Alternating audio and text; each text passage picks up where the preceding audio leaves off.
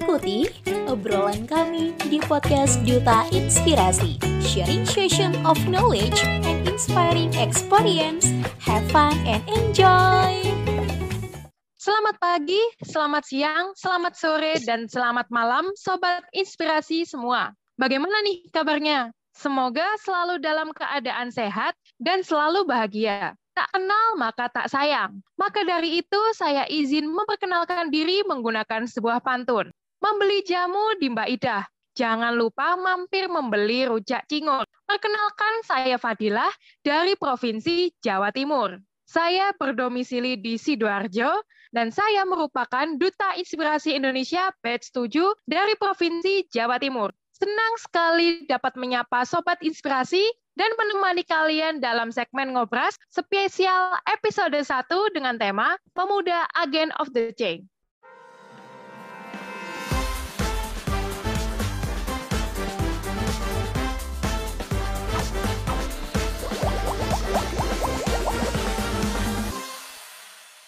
Sobat Inspirasi semua, pasti sudah tidak sabar lagi mendengarkan sharing narasumber kita kali ini yang memiliki segudang inspirasi. Yang pertama yaitu Kak Vela, Febi Hanifela, yang memiliki pengalaman as a trainer of swimming rescue class, EduTime PNC Faculty of Nursing, Pajajaran University, internship of Anjani Trip Tour and Travel, Anjani Tour and Travel Labuan Bajo. Kemudian selanjutnya CV dari Kak Pedro, Pedro Ngiso, Experience and Achievement Global Goals Youth Initiator 2022 oleh Global Goals Youth Internasional Duta Inspirasi Indonesia Batch 7 terpilih Provinsi Nusa Tenggara Timur.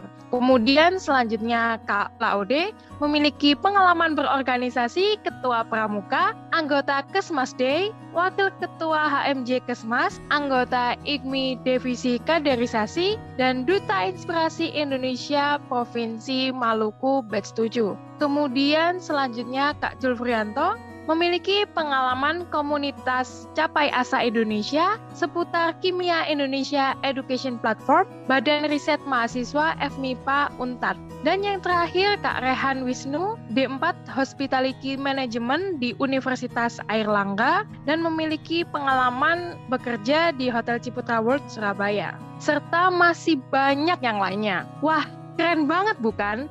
Pembahasan kali ini pastinya akan sangat menarik dan sangat menginspirasi.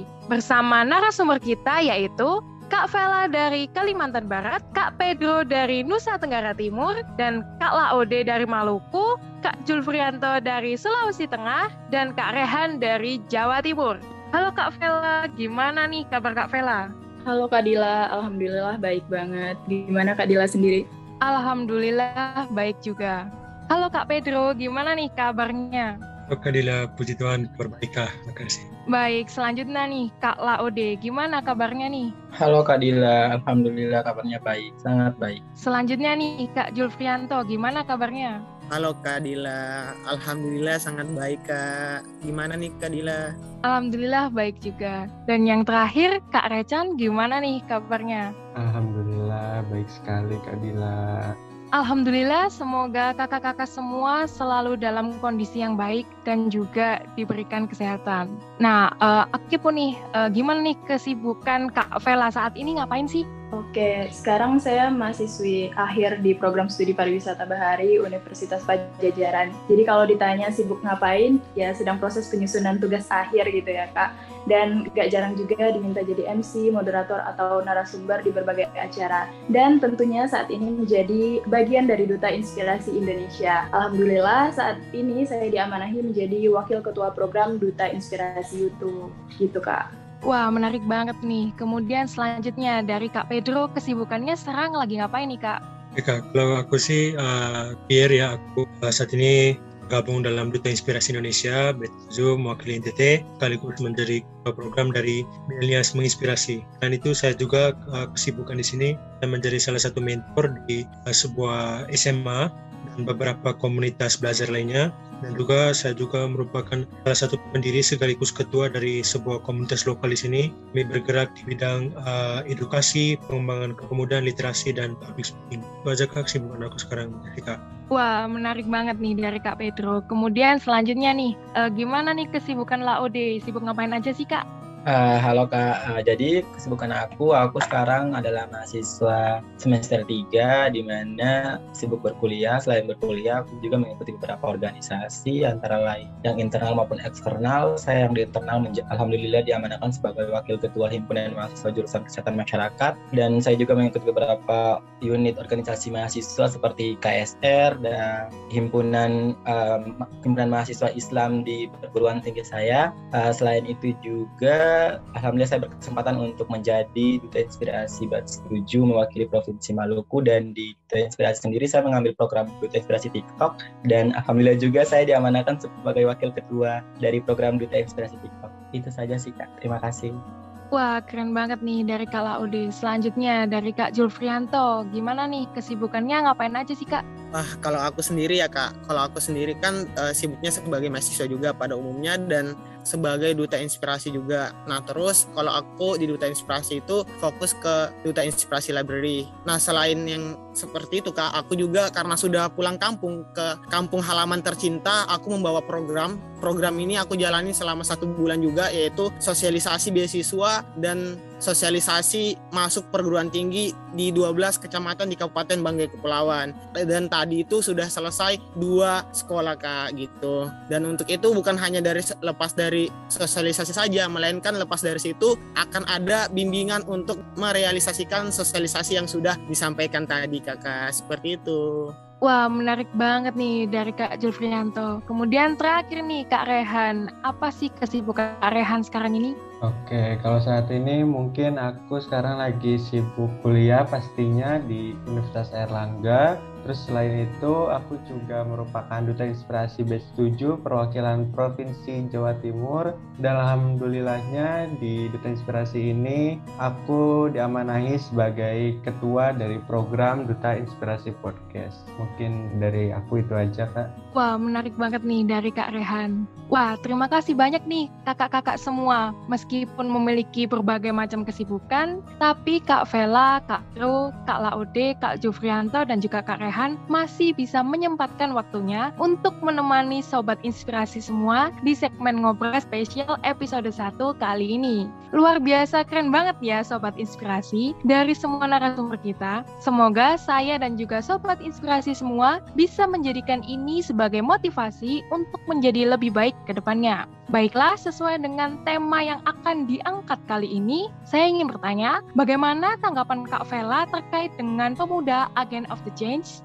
Baik, kalau menurut saya pemuda sebagai agent of change adalah frase yang tepat karena menurut aku tuh yang muda lah yang berperan aktif gitu membawa perubahan. Nah, perubahan di sini tentunya kita inginnya mengarah ke yang lebih baik kan. Nah, oleh karena itu haruslah dipersiapkan pemuda-pemuda yang unggul dan berkualitas untuk memperbaiki bangsa kita di kemudian hari. Mungkin cukup dulu dari saya, tambahan dari teman-teman yang lain. Baik, terima kasih. Kemudian bagaimana tanggapan dari Kak Pedro terkait dengan pemuda agent of the change? Ya, terima kasih. Kalau menurut saya pemuda agent of change itu artinya menjadi pionir atau eh, menjadi garda depan orang yang melakukan perubahan.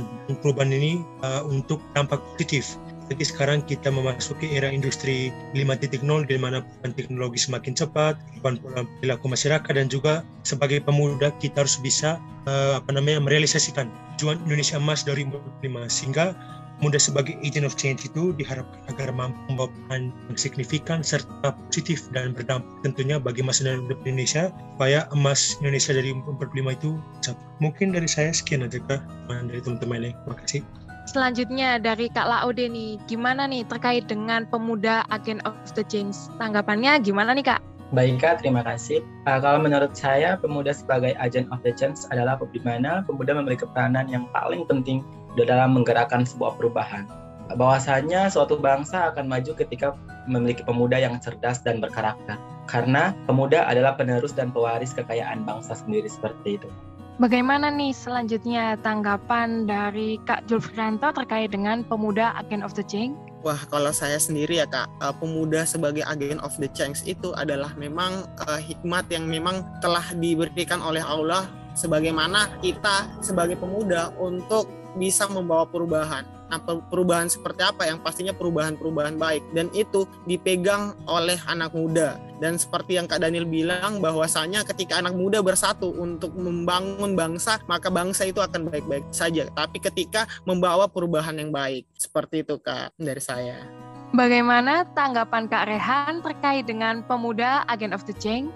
Oke, kalau dari aku mungkin kan pemuda Agent of the change adalah sebagai pemuda yang membawa perubahan nih bagi negara. Yang artinya pemuda ini memiliki peranan yang sangat penting pastinya dalam kemajuan bangsa itu sendiri. Baik buruknya suatu negara dapat dilihat dari kualitas pemudanya, karena generasi muda adalah penerus dan pewaris kekayaan bangsanya. Selain itu, generasi muda juga harus mempunyai integritas dalam membangun bangsa dan negaranya, mempunyai moral, sikap nasionalisme, mampu berdaya saing, berilmu, dan pastinya mampu beradaptasi dalam teknologi untuk bersaing secara global. Dari aku itu saja Kadila. Wah, mantul banget nih jawabannya. Dari semua kakak-kakak ini saling melengkapi satu sama lain. Kemudian menurut Kak Vela nih, apa yang membuat kita harus menjadi agen of the change? Oke, karena menurut aku demo bonus demografis itu kan hanya bisa didapatkan suatu satu kali gitu dalam sebuah negara, dalam sebuah peradaban.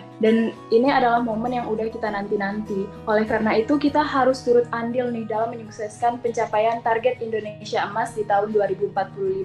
Karena jika kita kelewatan nih kesempatan besar ini, maka ditakutkannya keadaan bangsa kita malah akan mengalami resesi yang secara besar-besaran. Tentunya kita nggak mau hal itu terjadi. Jadi kita harus persiapkan dan kitanya sendiri juga harus menjadi bagian dari agent of change itu sendiri, Kak. Menurut Kak Pedro, apa yang membuat kita harus menjadi agent of the change? Oke, okay, kalau menurut saya, uh, Nelson Mandela, presiden pertama Afrika Selatan, pernah mengatakan begini, today are the leaders of tomorrow. Jadi, muda sekarang adalah pemimpin masa depan. Hingga, sebagai penerus bangsa dan pemimpin masa depan, muda harus dari sekarang mampu untuk berpikir secara kreatif dan kritis untuk mulai melakukan suatu perubahan.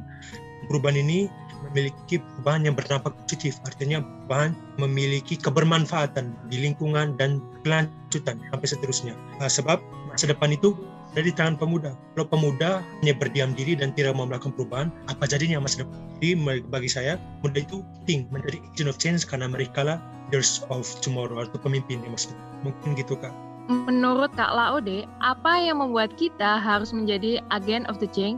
Baik Kak, kenapa kita sebagai pemuda harus menjadi agent of the change? Karena bahwasanya dalam suatu bangsa itu anak muda lah yang yang paling menjadi ujung tombak gitu untuk membawa dan memajukan suatu bangsa. Di mana bahwasanya uh, kita anak muda lah yang menjadi tangan penyambung dari pergerakan rakyat seperti itu Kak sehingga kita anak muda harus memiliki jiwa serta inovasi untuk membangun suatu negeri, membangun negeri kita agar menjadi lebih maju seperti itu kak.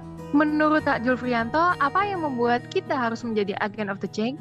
Kalau dari saya sendiri ya kak, apa yang membuat kita harus menjadi agen of the change? Nah, uh, kalau dari saya kak karena kita mempunyai banyak masalah. Nah masalah itu bukan hanya pribadi. Masalah itu ada pada daerah kita ada pada provinsi kita atau bahkan ada pada negara kita. Nah dengan masalah itu juga dinamika-dinamika seperti itu maka kita harus menjadi agen of the change yang di mana kita harus membawa perubahan terbaik untuk daerah kita dan bangsa kita. Terlebih khususnya menjadi pemuda yang berkarya untuk negara kita. Seperti itu kakak Menurut Kak Rehan, apa yang membuat kita harus menjadi agen of the change? Oke, bagaimana dan apa yang membuat kita harus menjadi agent of the change? Seperti yang dikatakan oleh Bapak Soekarno, berikan aku 10 pemuda, maka akan kugoncangkan dunia. Itu merupakan suatu landasan bagi kita sebagai agent of change yang memiliki peranan sangat penting untuk membawa perubahan bagi negara. Dengan melihat perkembangan zaman dan negara, peranan pemuda itu sangat dibutuhkan sebagai generasi penerus bangsa. Kemudian ada banyak banyak sekali manfaat atau benefit yang akan kita dapatkan sebagai agent of change yang pastinya kalian tidak sadari. Yang pertama, mampu meningkatkan kualitas diri. Yang kedua, mampu menyelesaikan masalah secara menyeluruh. Dan yang ketiga, mampu meningkatkan jiwa kepemimpinan. Seperti itu, Kak. Wah, keren banget nih alasan kenapa sih kita harus menjadi agen of the change. Semoga teman-teman dapat terinspirasi dari jawaban yang disampaikan tadi. Menurut Kak Vela nih, siapa tokoh inspiratif yang harus diteladani sebagai agen of the change? Oke, aku yakin udah banyak di luar sana pemuda Indonesia yang sudah memiliki akademik yang bagus atau bukan mungkin berprestasi di kancah internasional. Tapi kalau kita mengambil tokoh yang dapat kita apa ya dengan mudah diteladani karena sudah terkenal juga, menurut saya adalah Maudi Ayunda dan Cinta Laura. Mereka punya sifat low profile, cerdas, bijaksana, dan peduli terhadap akademik anak-anak di Indonesia. Jadi dia tidak hanya membangun atau improve diri mereka sendiri, tapi juga peduli terhadap sesama, terhadap kemajuan bangsa Indonesia gitu kak. Menurut Kak Pedro, siapa tokoh inspiratif yang harus diteladani sebagai agen of the change? Oke, okay, dari saya ada satu tokoh yang saya idolakan dari saya SMA, namanya Malala Yousafzai. Ini seorang Muslim uh, dan seorang pemuda dan sangat masih muda, Pakistan. Uh, saking mudanya dia menerima hadiah Nobel perdamaian saat masih berumur sekitar 16 tahun kalau aku nggak salah itu. Nah, di dia ini saat umur 12 tahun sudah mampu untuk mengubah situasi Pakistan yang saat itu diteror, teror dan ditekan oleh para terorisme Taliban bahwa perempuan dan anak-anak itu tidak boleh mendapatkan pendidikan. Sehingga di situ dia mulai melakukan apa namanya pendobrakan atau perubahan dia melakukan cara kekerasan tapi dengan menggunakan uh, kemampuan yaitu kemampuan public speaking dia berhasil untuk mengubah kondisi itu berhasil menekan Taliban pada akhirnya Pakistan mendapat kesempatan pendidikan khususnya bagi perempuan dan anak-anak. Sehingga dari dia ini saya belajar bahwa sebagai pemuda apa pun usia kita di mana pun kita dan siapa pun kita kita bisa melakukan perubahan. Sekecil apa pun itu kita memiliki hati dan kemauan yang kuat kita bisa berikan dampak yang positif. Mulai dari lingkungan sekitar sampai ke tingkat nasional bahkan internasional kita pasti bisa. Asalkan kita memiliki hati dan kemauan yang kuat uh, melakukan perubahan untuk memberi bermanfaatan positif uh, masa sekarang dan masa depan. Menurut tak